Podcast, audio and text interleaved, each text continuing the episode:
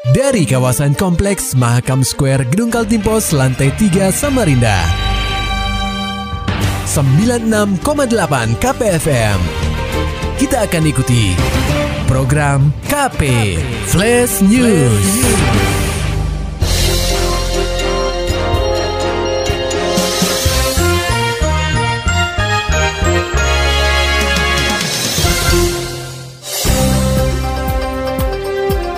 Anda sedang menyimak program KP Flash News bersama saya Agung Pratama. Pendengar KP pemuda 24 tahun bernama Muhammad Rizky Santoso nekat melompat ke perairan Sungai Karangmumus atau SKM, tepatnya di Jalan Hasan Basri Gang 2, Kelurahan Temindung Permai, Kecamatan Sungai Pinang pada Kamis 24 November 2022 sekitar pukul 00 waktu Indonesia Tengah. Berdasarkan informasi salah satu saksi yang juga paman korban Sumarlan, Awalnya, ia mendapat telepon dari rekan kerja Rizky untuk membawanya pulang karena kondisinya yang kurang sehat.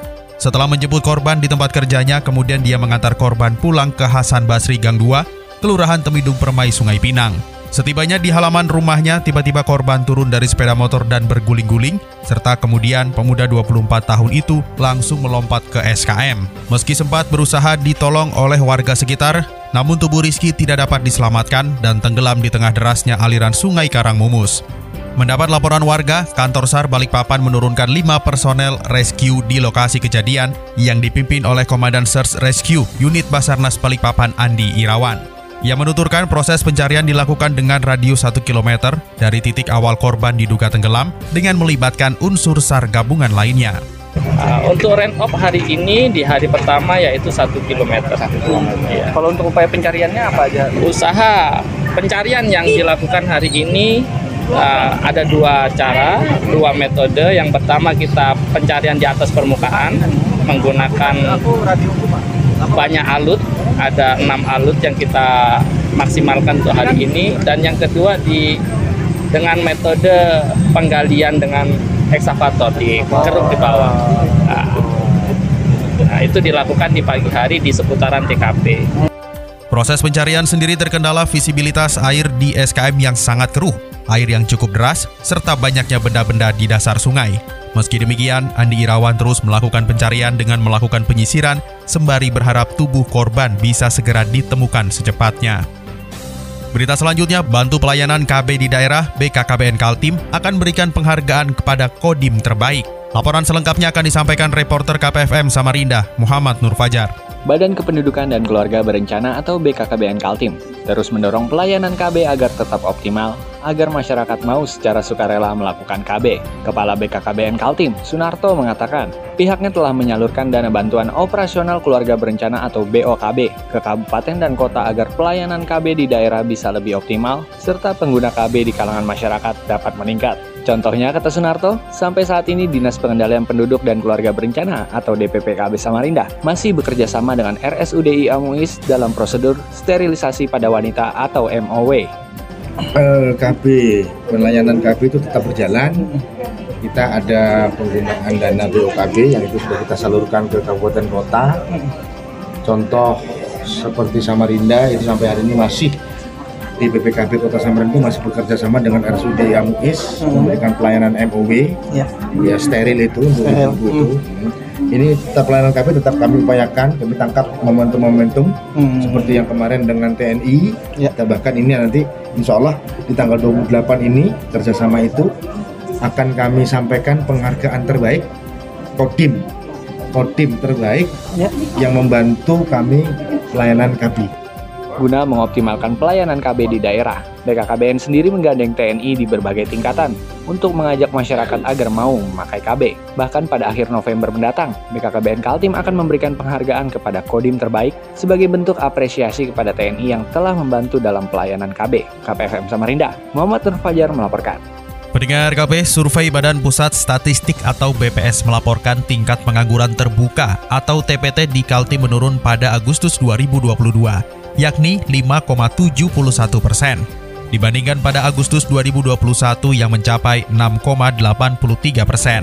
BPS mencatat pengangguran terbanyak berada di Samarinda, yakni 28.750 orang. Terkait persoalan ini, anggota DPRD Kaltim Puji Setiawati mengingatkan agar pemerintah tidak lengah. Menurut Puji, Pemprov Kaltim mesti memperluas jaringan kerjasama dengan perusahaan maupun pengusaha.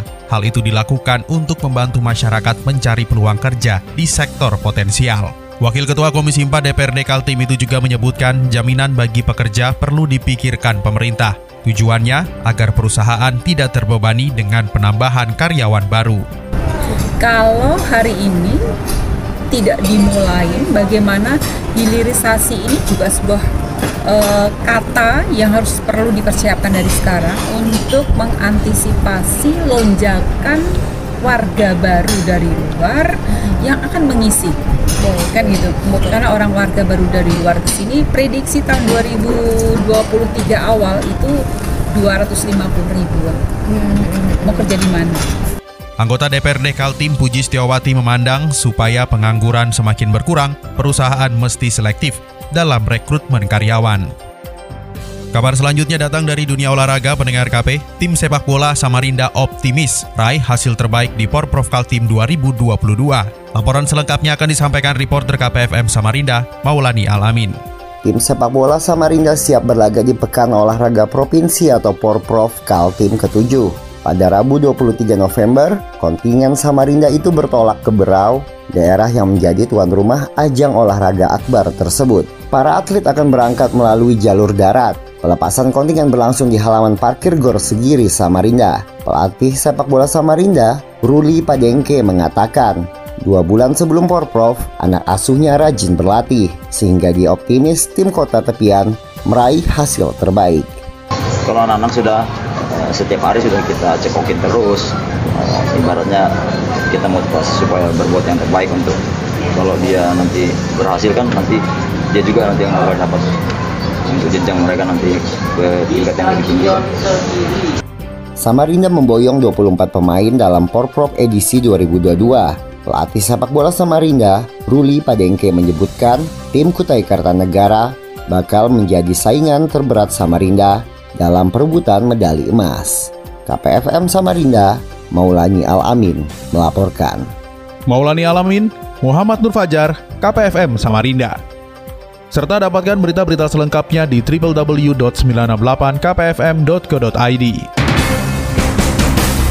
Demikian tadi telah kita simak rangkaian berita-berita yang terangkum dalam program KP Flash News.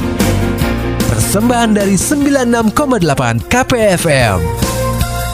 Terima kasih dan sampai jumpa.